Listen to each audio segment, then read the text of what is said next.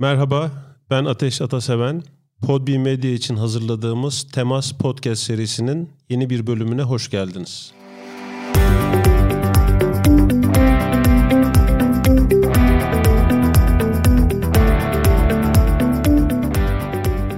Bu bölümde çok uzun süreden beri tanıştığım hatta birlikte birkaç e, projede de yer alma fırsatım olan bir arkadaşım bizimle beraber. Sevgili Alex, hoş geldin. Hoş bulduk. Teşekkürler. Birazcık ben şimdi sözü ona devredeceğim kendisini tanıtması için ama temasın bu bölümünün ana çerçevesini çizecek olursak aslında Alex'in herkesin alışık olmadığı değişik bir hayat hikayesi ve hala da süren değişik bir hayat öyküsü var. Biraz onları konuşmak isteyeceğiz.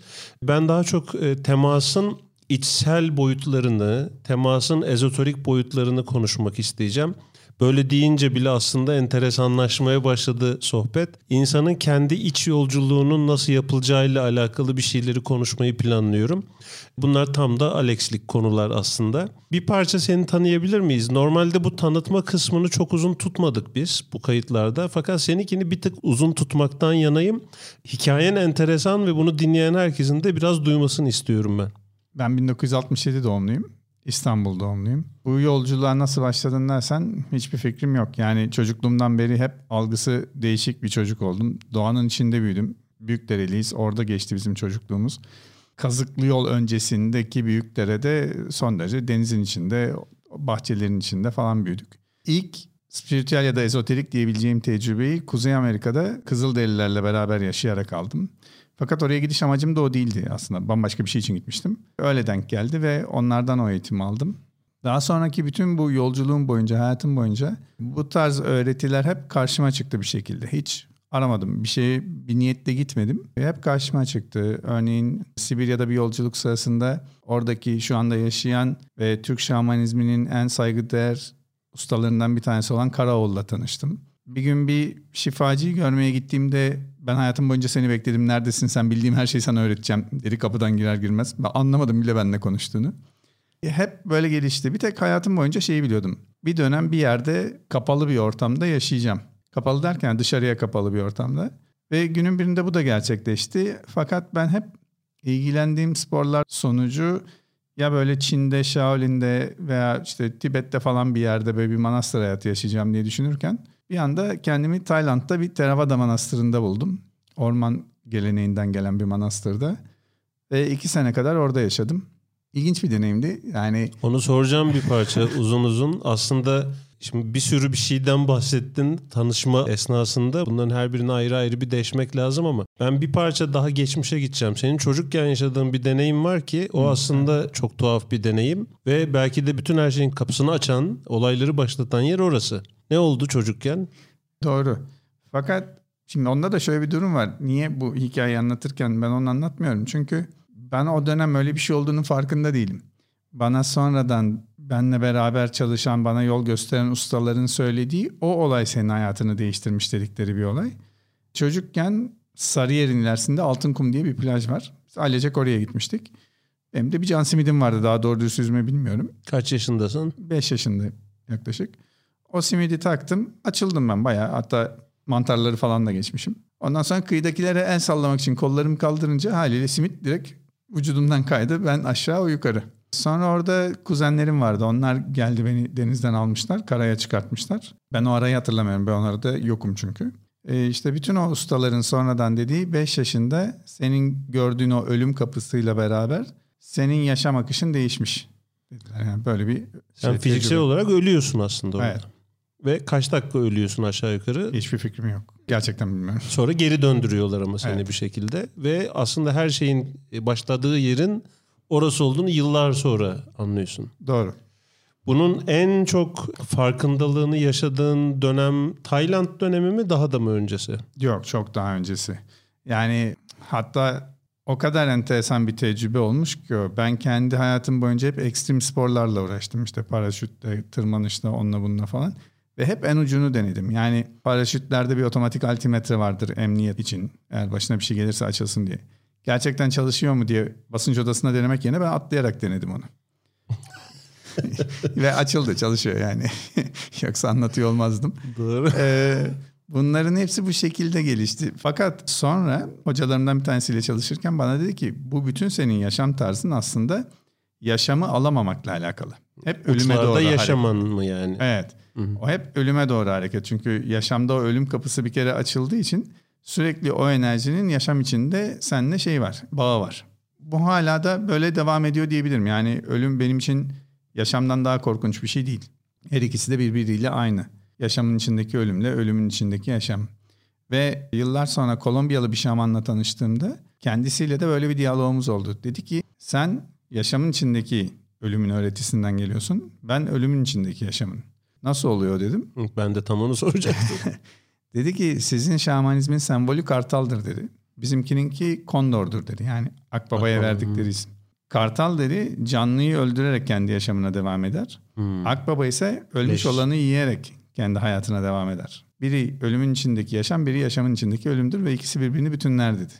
Yin yang gibi nerede? Evet doğru o Tai Chi işareti dedik. O işaretteki işte siyahın içindeki beyaz, beyazın içindeki siyah gibi. Aralarında o kadar uzak bir mesafe olmasına rağmen yaklaşık olarak aynı hatta evet yani bir 5000 yıllık öğreti dersek her ikisine de çok ortak kökleri var yani çok ortak şeyleri var.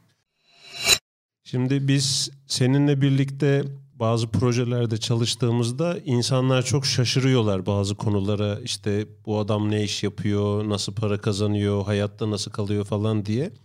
Bir parça bunu konuşmak istiyorum ama ondan önce şeyi söyleyeceğim. Senin bir bizim standart alıştığımız insanlara benzeyen bir işte okul hayatın, eğitim hayatın vesaire de oldu herhalde değil mi? Yani sen ne zamandan sonra normal kurumsal bir ortam sana uygun değil, daha farklı yaşayacaksın gibi bir şeyle buluştun içinde? Aslında okul hayatım da çok bizim anladığımız anlamda normal olmadı. Yani ben 16 yaşında liseyi bitirdim. 11 yıllık, daha 12 yıllık öğretim o zaman yoktu. Hangi okuldan mezunsun? Işık sesinden mezunum ben. Tamam. Nişantaşı o zaman şey yoktu. Maslak yok. Maslak yoktu. Daha sonra benim 15 yıllık bir üniversite hayatım oldu. yani normal böyle bir 4 sene ya da 6 sene falan değil 15 sene okudum ben üniversitede. Tıp okudum. Sonra tıp Kaç okudum yıl? bir 2 yıl. İkinci yılda şöyle bu bana göre bir meslek değil diye bıraktım. Çünkü o zamanlar ki şeye bakarsanız genel işte 16 yaşındaki bir çocuk diyeceğim artık. Kendi istediğini çok net olarak bilebilen bir kafa yapısında değildim ben. Ailem istediği için yazmıştım. Fakat ne zaman ki o farkındalığa ulaştım o zaman dedim bu bana göre değil. Sonra Boğaziçi Üniversitesi'nde matematik okudum.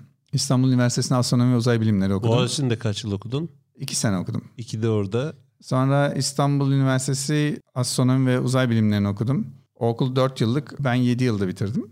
Ya bitirdin onu. ama. Bitirdim. Sonra astrofizikte yüksek lisans yaptım. E Aslına bakarsan şu anda hala üniversite öğrencisiyim. Açık öğretimin ikinci üniversite dedikleri yani bir üniversiteyi bitirmiş kişilerin sınavsız girebileceği bir üniversite programı var. Orada gerontoloji yani yaşlı bakımı okuyorum. Şu anda hala öğrenciyim. O süreç hiç bitmedi yani. Bunlara Kurumsal- ilgin yani tıp ailenden dolayı oldu. Sonra peki matematiği kendin mi istedin? Matematiği aslında kendim istedim diyebilirim. Fakat şöyle bir şey benim lise sona kadar matematikle ilişkim çok iyi değildi. Lise sonunda gelen bir hocamız bana matematiği sevdirdi. Yani bir, bir sene içinde. Bunların hepsini niye okudum, nasıl okudum aslında çok da bilmemekle beraber şu anda geldiğim noktada hepsinin hizmetini görüyorum.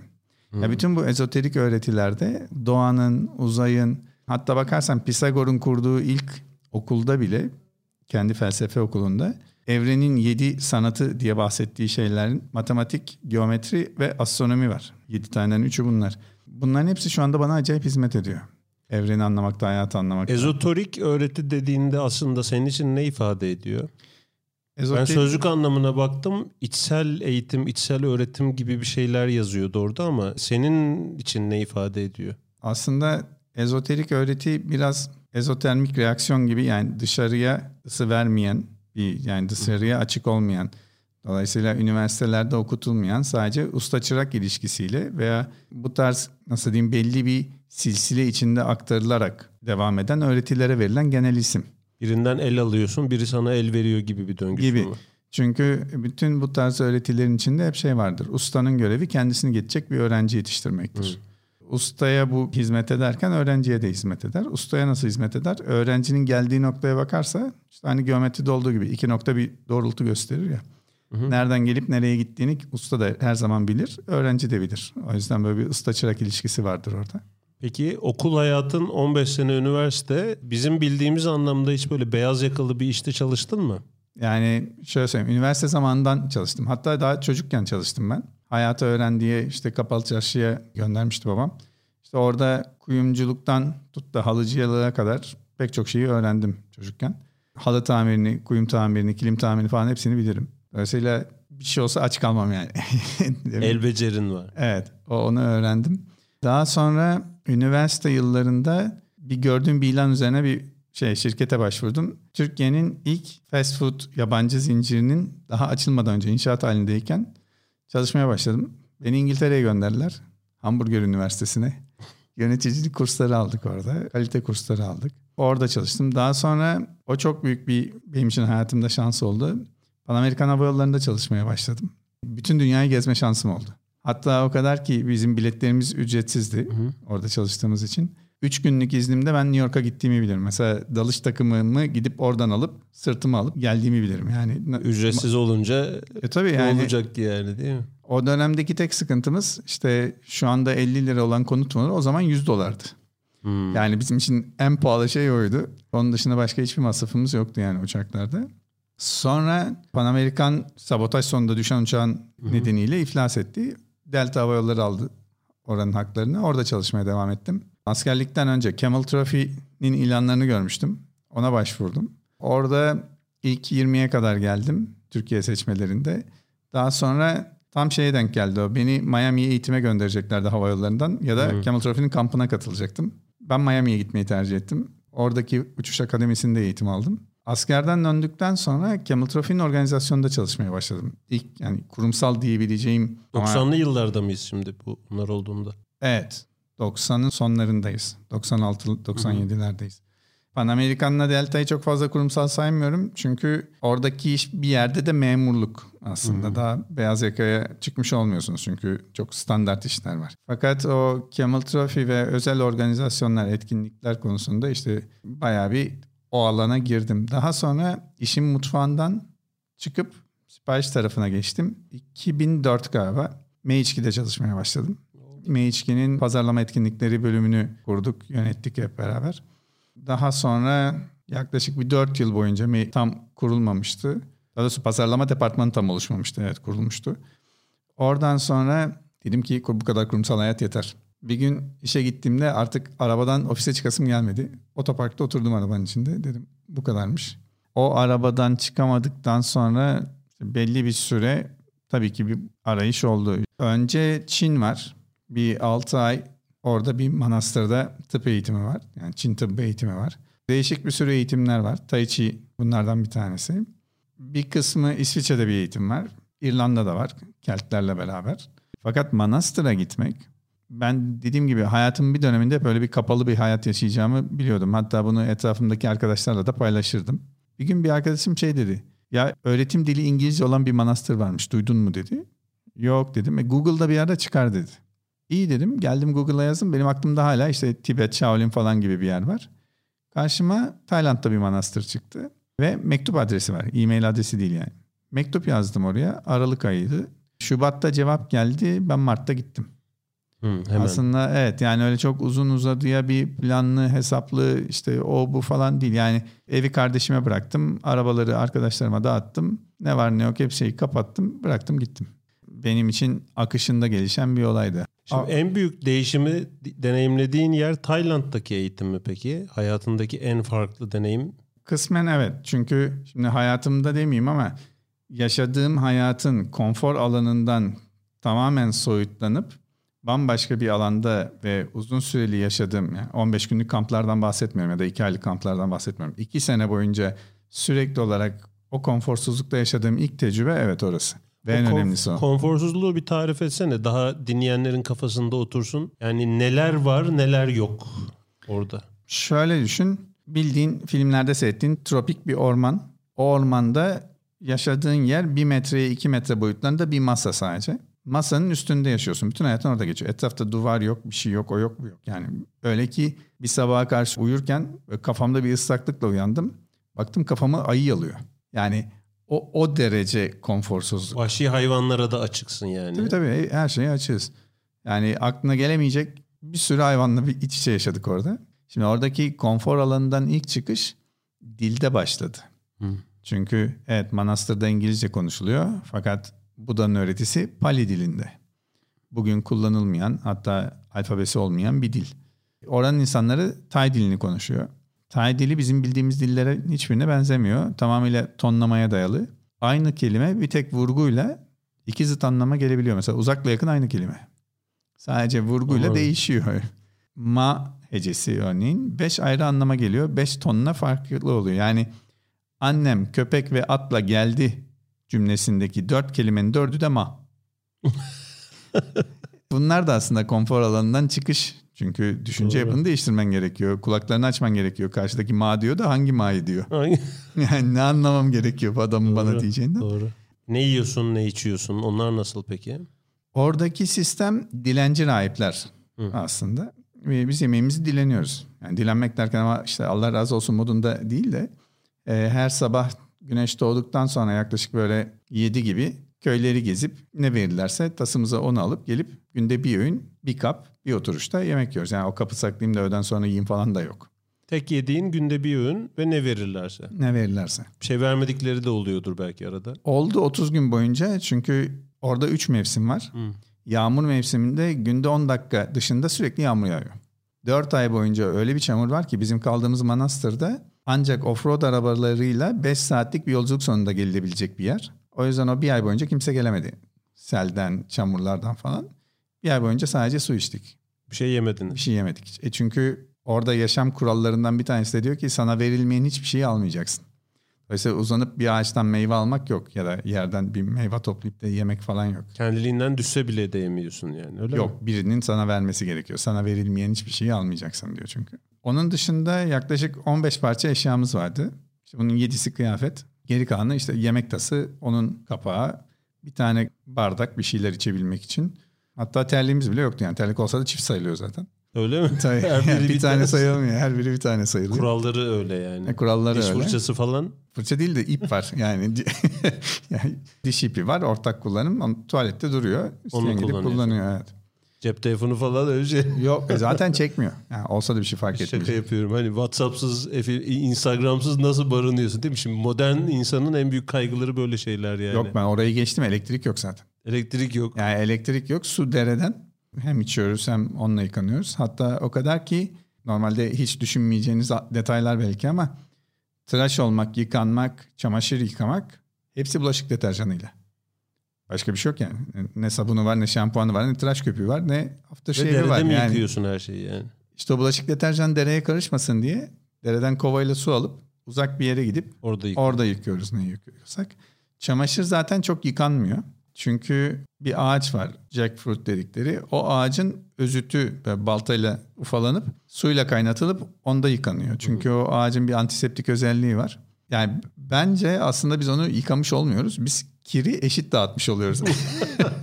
yani kıyafetler bize bez olarak veriliyor. Beyaz bez. Biz onu dikip kıyafet haline getiriyoruz ve o şekilde yıkandığı için zaman içinde o kararıyor. Yani daha doğrusu kahverengi hale dönüyor. Bir rahibe baktığında kıyafeti ne kadar koyu kahverengiyse o kadar Kıdemli. kıdemli, rahip demek. Yani ne kadar ve açık sarıya yakınsa o kadar çömez demek adam. Bir de konuşmuyorlar orada galiba. Aslında öyle bir pratik yok fakat çok fazla konuşan insanlar varsa mesela benim gibi ben ilk gittiğimde çok soru soruyordum. En son bizim baş rahip dedi ki bir daha sana soru sorulmadığı sürece konuşmayacaksın. 6 ay boyunca kimse ne haber bile demedi. Düşünsene yani adamların gözünün içine bakıyorum. Biri bir ne haber dese konuşacağım ama ne haber diyen yok yani. Sessizliği mi deneyimliyorsun orada o sırada peki? Evet evet yani aslında şunu söyleyebilirim. Oradaki iki senenin temeldeki en büyük getirisi kendime tahammül edebilmek oldu. Yani Bu ne demek? Kendine tahammül edebilmek. kendi duygularını görmek. Kişinin kendi zihninin kendi acısını nasıl örttüğünü görmesi demek. Bir şey yapmaktansa olmaya çalışmak demek. Çünkü biz gündelik hayatımızda sürekli bir şey yapmak, bir şeyle uğraşmak, bir şeyle meşgul olmak adına hep kendimizden uzaklaşıyoruz. E, etrafta yapacak bir şey olmayınca yani şöyle düşün. Bir gün 24 saat. Bugünün 24 saat olduğunu şehirdeki insan fark etmez. Zaman yetmiyor der. Bahsettiğimiz konfor alanından çıkart, doğayla temas etsin. 24 saatten sonra ne kadar uzun olduğunu orada anlar. O da gün bitmiyor der belki Evet. ilk gittiğinde. Aynen öyle. Cep telefonunu elinden al bir günün kaç saat olduğunu daha rahat anlar sürü olarak. Orada da aynı şey var. Etrafta seni meşgul edecek olan her şey senden uzak. Bu ama bu şey demek değil. Etraf sessiz demek değil. Orman çok gürültülü. Yani maymunu, işte havlayan ceylanı, longhornu, filleri, kaplanı, osu busu yani inanılmaz ses var sürekli ormanda. Herkes diyor ki gittin sessizliğin içinde olursun tabii. Yok öyle bir şey yani. Sessiz değil orası. Buradan daha gürültülü. Fakat Alışık olmadığın sesler var tabii ki. hayır buradaki gibi yapay ses yok. Evet. Arabanın gürültüsü yok, egzosun patlaması yok, metal tangırtaması yok. Her şey doğal orada. Doğal olduğu için çok fazla seni yakalamıyor. Daha rahat ediyorsun orada. Peki o iki yıl bittiğinde sen bir mertebeye ulaşmış da oluyorsun galiba değil mi? Bir rol mü diyeyim, ünvan mı diyeyim bir şey elde ediyorsun. Doğru ama o iki yıllık değil. Bu manastırlar herkese açık. Yani ben ne özel bir insanım ne sadece beni kabul ettiler falan öyle bir şey yok. Budist manastırların hepsinin ortak kuralıdır. Kapıyı çalan herkese buyurun derler. Üç güne kadar hiçbir sorun çıkmaz. Hiçbir şey istemezler. Üç günden fazla kalacaksan bir iş verirler. Hani Hı. işte yeri süpürmek, ne bileyim tuvaleti temizlemek, mutfağa yardım etmek falan gibi. Örneğin benim işim hep şey oldu. Bakım onarım. Elimden iş geliyor diye beni atölyeye verdiler. Ben iki sene boyunca her gittiğim manastırda hep bakım onarımla ilgilendim. 6 ayı da sessizce bakım onarım tabii bunun değil mi? Evet. Kendi kendinesin yani sürekli. Doğru. İki aya kadar misafir olarak kalabiliyorsun orada. İki aydan sonra sana soruyorlar. Bizim yolumuza girmek ister misin diye. Hı. Hayır dersen misafir olarak kalmaya devam edebiliyorsun. Evet dersen aday rahip oluyorsun. Artık orada pantolonu, gömleği bırakıp saçını ve kaşlarını tıraş edip orada verilen o eteğe benzer kıyafetleri giymeye başlıyorsun ama beyaz. Bu şekilde 6 ay geçirdikten sonra artık hazır mısın bir üst mertebe ediyorlar. Sen evet dersen bu sefer çömez rahip oluyorsun ve yavaş yavaş artık o kahverengileri giymeye başlıyorsun. Bir sene sonra rahip olmaya hazır mısın diyorlar. Evet diyorsan eğer rahip oluyorsun. 5 sene kadar öğrenci rahipsin. 5 seneden sonra usta rahipsin. 10 seneden sonra da öğretmen oluyorsun. Yani ünvanlar böyle diyeyim. 20 senenin üstüne geçtiğin zaman da artık büyük baba oluyorsun. Lungpo diyorlar ona. Büyük baba. Sen şimdi hangi seviyedesin orada? Ben çömezdim oradayken. Çömez rahiptim. İki senenin sonunda buradan alacağım başka bir şey kalmadı artık. Yani ne, hem öğretinin temelini hem öğretinin kendisini hem de neye hizmet ettiğini öğrendim. Burada kalmak yerine ben bunu dışarıdaki hayatımda da uygulayıp anlatabilirim diye ayrıldım. Geri döndün ondan sonra. Evet. Dolayısıyla ben artık rahip değilim. Hı. O dönemde. O dönemde öyleydim. Gerçi daha kıyafetimi teslim etmedim. Bir gidip törenle teslim etmem gerekiyor. Öyle mi? Böyle Evet. bir ritüelin var. Evet törenle alındı. Törende teslim edilmesi gerekiyor. İşte bu çıkacağımız turun sonunda oraya uğrarsak oraya Şimdi onu da ederiz. soracağım o turda. Şimdi sen normalde benim etrafımda konuştuğum, tanıştığım insanların neredeyse tamamı bildiğimiz sabah 9 akşam 5 bir işi olan, işte sosyal güvencesi olan, SGK'sı, özel sağlık sigortası olan, şirketlerinin sağladığı bir takım yan hakları olan insanlar. Bu insanlarda ortak olarak gördüğüm bir şey var. Yeniye temas etmekte çok fazla zorlanıyorlar. Büyük ihtimalle görebildiğim kadarıyla kaygıları çok baskın oluyor. Mesela işte işi bırakıp başka bir işe geçmek bile hayattaki bir takım sorumluluklardan epey zor geliyor insanlara. Şeyleri falan duyuyorum. Ya bakayım o gittiğim yerde acaba şirket araba verecek mi? Arabanın benzinini verecek mi gibi konular oluyor. Şimdi senin az evvel anlattığın bunun tam öbür tarafı neredeyse değil mi? Böyle tam zıt tarafında hiçbir şeyin yok yani. Eşya parçam belli vesaire falan filan. Şimdi bir insan öyle bir deneyimi yaşayacak kadar tamamen alışkanlık dışı bir nasıl diyeyim ortama nasıl geçebiliyor? Nedir o içerideki seni oraya götüren güdü mü ya da güdü dışında başka bir şey olarak mı tanımlarsın onu? Ben bunu tersten anlatayım. Bu sadece manastırdaki öğreti değil. Aynı zamanda işte hermetik okullar geleneğinden gelen bir tarafım da olduğu için benim orada da anlatılan şey.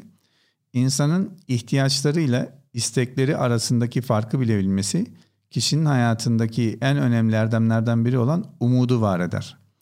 Eğer kişi ihtiyacıyla istekler arasındaki farkı bilmiyorsa hayatında umut yoktur. İşte o umut kişiyi insan olabilmek için bir yol bulabilmesi adına arayışa sevk eder. Bu yoksa eğer böyle bir arayış yoktur. Varmış gibi davrananlar, bugünkü bütün bu New Age öğretilerine bakarsak işte bir sürü bir şey var. Onun ismini bile bilmiyorum. Kişisel gelişim adı altında anlatılan şeylerin hepsi kişisel gerilime hizmet eder. Gelişime çok fazla hizmet etmez. Çünkü dönüp dolaşıp gene bir ucundan sisteme bağlıyor her şeyi. İhtiyaçla istek arasında nasıl bir fark var sence? Çok basit örnek olarak vereyim. Kıyafet dediğimiz şey sonuçta atmosferik şartlarla bizim bedenimiz arasındaki alışverişin sağlıklı bir halde ilerlemesi için ihtiyacımız olan malzeme. Bunun şu renk pantolonla şu renk ayakkabı olmaz. Bunun üstüne bu gömlek giyilmez. Onun üstüne bu saat takılmaz gibi bir takım varyasyonlarla ihtiyacımız olan şey 15 parça kıyafetse ya da hadi diyelim 30 parça kıyafetse bugün kimin 30 parça sadece kıyafeti var? Yani ayakkabı, çorap dahil sorarım. Yani aradaki fark ihtiyaçtan fazlasını yani istek olan kısmını elde etmek için harcadığın zaman, çaba, işte Efor. zihin, efor neyse bunların hepsi senin hayatından senin kendine dönük, kendine yöne içe dönük veya kendi insan olma umudunu besleyecek, pratiği yapacak zamanı alır senden. Adeta şey gibi ayağına kendi kendine taktığın bir pranga gibi. Yani evet ayağına omuzuna Özgürlüğünü kaybediyorsun yani değil mi? İhtiyacın olmayan bir şeyi elde etmeye çalışıyorsun. Evet. Bir mülkiyet şeyi var. Ne derler? İhtiyacı, isteği. Doğru. Ve sonra onu korumak. Şimdi önce bir mülkiyet var. Mülkiyeti aldın, sahiplendin. Sonra bunu kaybetmemek için korumak var. Demin o bahsettiğin işte güvence, sigorta, o bu. Yani bir de riskini başkasına satıyorsun gibi bir sürü de şey var. Fakat bu tarz öğretilerde yaşamın bana getirdiği her şeye açığım diyebildiğin noktada bunların hiçbirine ihtiyacın yok. Daha önceden de bu konuları seninle konuştuğumuz için aşina da olduğum konular ama hala içimde benim de bu sistemin büyük bir parçası olan bir tarafta olduğu için bazı şeyler hakikaten soru işareti oluyor. Mesela e, senin çocuğun var mı? Hayır. Çocuğun olsaydı, onların eğitimi, öğretimi vesaire gibi konular olsaydı bu konu seni bu tarafa bu şekilde getirir miydi sence? Yani bu sorunun cevabı bende yok. Yani bilemem. Çünkü çocuğum olmadığı için şimdi Ya da çocuğu olan ya da olur. o tip sorumlu olan insanlar bunu duyduğunda şey diyebilirler kafalarından yani ya ben de bunu çok isterdim ama yapamam ki gibi. Bütün bu ihtiyaç ve istek arasındaki farkların tamamında insan zihninde mi yaratıyor yoksa bazı şeyler kendimizi soktuğumuz bir takım nasıl diyeyim kendi kendimize kurduğumuz tuzaklar da mı var işin içinde yani? bir farkı var mı? Ya onu da zihinde kuruyoruz zaten. Doğru. Yani ikisinin birbirinden bir farkı yok aslında. Ama şöyle bir örnek verebilirim ben. Manastır'da çocuğu olan, yani normal senin bahsettiğin şekilde bir yaşamı Hı. olan ve bunun hepsini bırakıp manastıra gelmiş insanlar da vardı. Şimdi oradaki farkı şöyle anlamak lazım. Biz batıda başka bir kültürle yetişiyoruz. Hı. Örneğin bu yaptığın anneni çok üzdü diye bir çocuğa bir şey söyleyebiliyoruz normalde. E, Doğuda bunu söylediğin zaman çocuk bakıyor. Annem niye üzülsün ki benim yaptığıma diyor. Anlamıyor çünkü öyle bir kavram yok orada. Yani ben kendim yaptıysam benim karmamdır. Sonucunu ben çekerim. Annem niye çeksin diyor. Bence bu özellikle işte Katolik Lisesi'nin, Vatikan'ın hepiniz suçlu doğdunuz öğretisini Hmm. yaydıktan sonra oturmuş olan bir şey. Hepimiz başka birilerinin bir şey yüzünden suçluyuz. Böylece hayata verilmiş bir rehinemiz var. Aslında öyle bir şey yok. Yani Kendimizi hep bir borçlu hissetme halinde yaşıyoruz yani. Evet. Örneğin şamanlara baktığımız zaman ya da kızılderililere baktığımız zaman orada doğan çocuk kişinin çocuğu değil. Kabilenin çocuğu, toplumun çocuğu. Dolayısıyla toplumda eksik olan her neyse o çocuk yeteneklerine göre o yöne yönlendiriliyor. Örneğin bugün benim çocuğum doktor olacak dediğinde başka bir çocuğun ona daha bir yeteneği varsa şifaya, tıbba ona buna. Fakat imkanı yoksa onun önünü kesiyorsun. Benim çocuğum en iyisine layık dediğin anda başka adamın çocuğu ölsün noktasına geliyorsun. Hmm. Yani ortak yaşamı zaten kendimiz ortadan kaldırdığımız için bu şekilde kendi isteklerimizde kendi ihtiyacımızın farkında değiliz. Dolayısıyla kendi ihtiyacının farkında olmayan toplumun ihtiyacının farkında nasıl olacak? Bütün denge bozulmuş Tabii bütün te- denge bozulmuş durumda. Peki şimdi sen benim deneyimlediğim kadarıyla hani tam Türkçe bir kelime değil ama tevekkülü çok yüksek bir insansın. Yani gücünün yeteceği şeyleri biliyorsun, gücünün yetmeyeceği şeyleri biliyorsun ve hayatı akışında kabul edebilmiş böyle bir iç barış.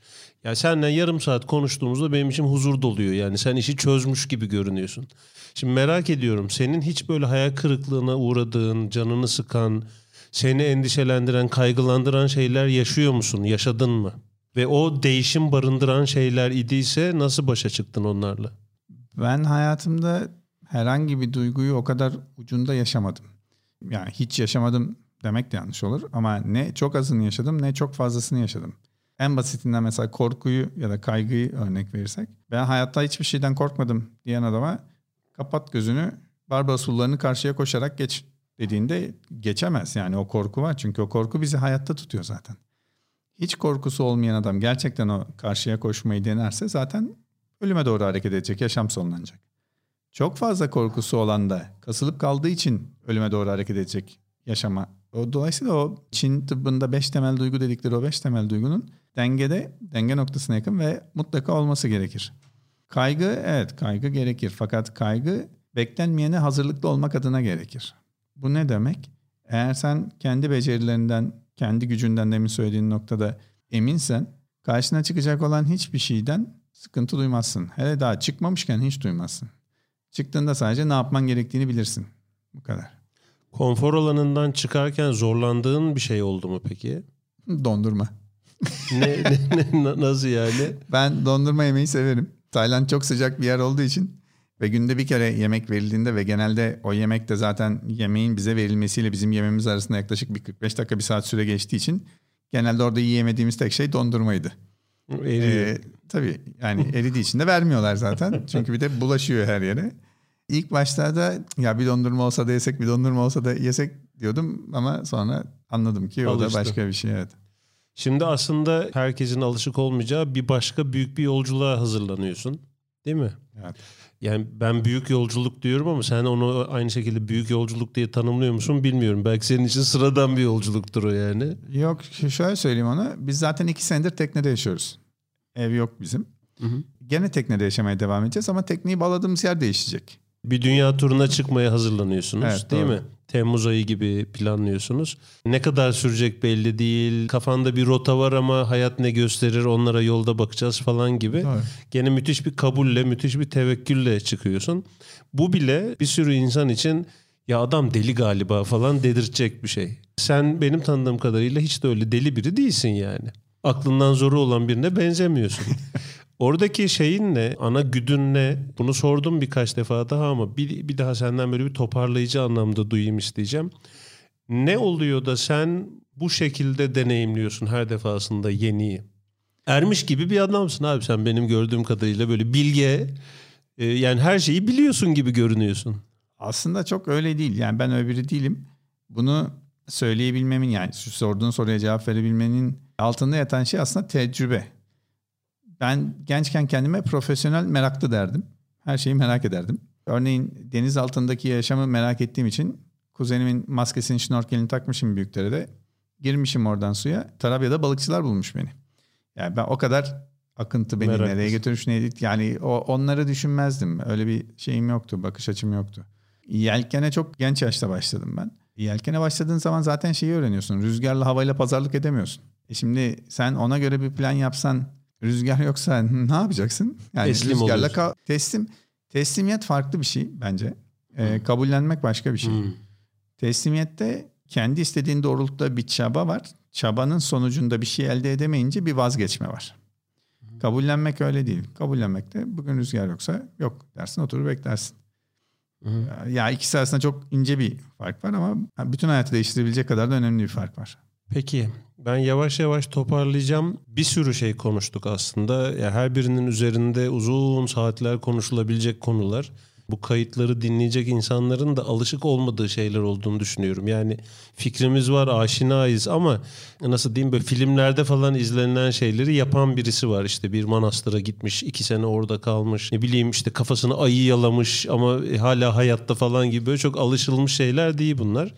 Senin böyle bir kapanış cümlesi olarak yeniye temas etmekle ilgili ya bence en güzel, en doyumlu temas bu şekilde yapılır diye böyle bir kapanış cümlen olur mu? Bir şey der misin?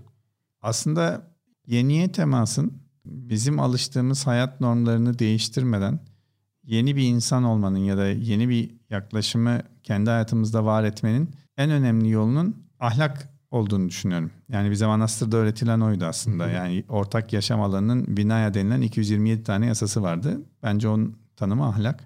Bunun da hep 227 tane yasanın toplanıp da geldiği ortak nokta sana yapılmasını istemediğini başkasına yapma. Yani kişilerin kendi konfor alanından bile çıkmadan Sadece bu düsturla uygun yaşamaları eminim ki kendilerini yeni bir kendileri yapacaktır. Kendileri olarak gördükleri o kimliğin altında yatan beni göreceklerdir orada. En büyük temas da o zaten değil mi? İnsanın kendisine evet. temas etmesi. Peki Alex ayaklarına sağlık, eline sağlık, iyi ki geldin. Ağzına ben sağlık. Ederim. Yani ben e, her seni dinlediğimde e, zihnimde bir yerlere bir takım notlar alıyorum. Hayatımda şunları yapayım, bunları yapmayayım falan diye. Gene öyle oldu benim için. İyi ki geldin. Tekrar söyleyeyim. Podbi Medya için hazırladığımız Temas Podcast serisinin bir bölümünün daha sonuna geldik. Teması Spotify, Apple Podcast, Google Podcast ve diğer podcast uygulamalarından dinleyebilirsiniz. Lütfen podcast'te üye olun ve yeni bölümleri kaçırmayın. İlerleyen bölümlerde yeniden görüşmek üzere.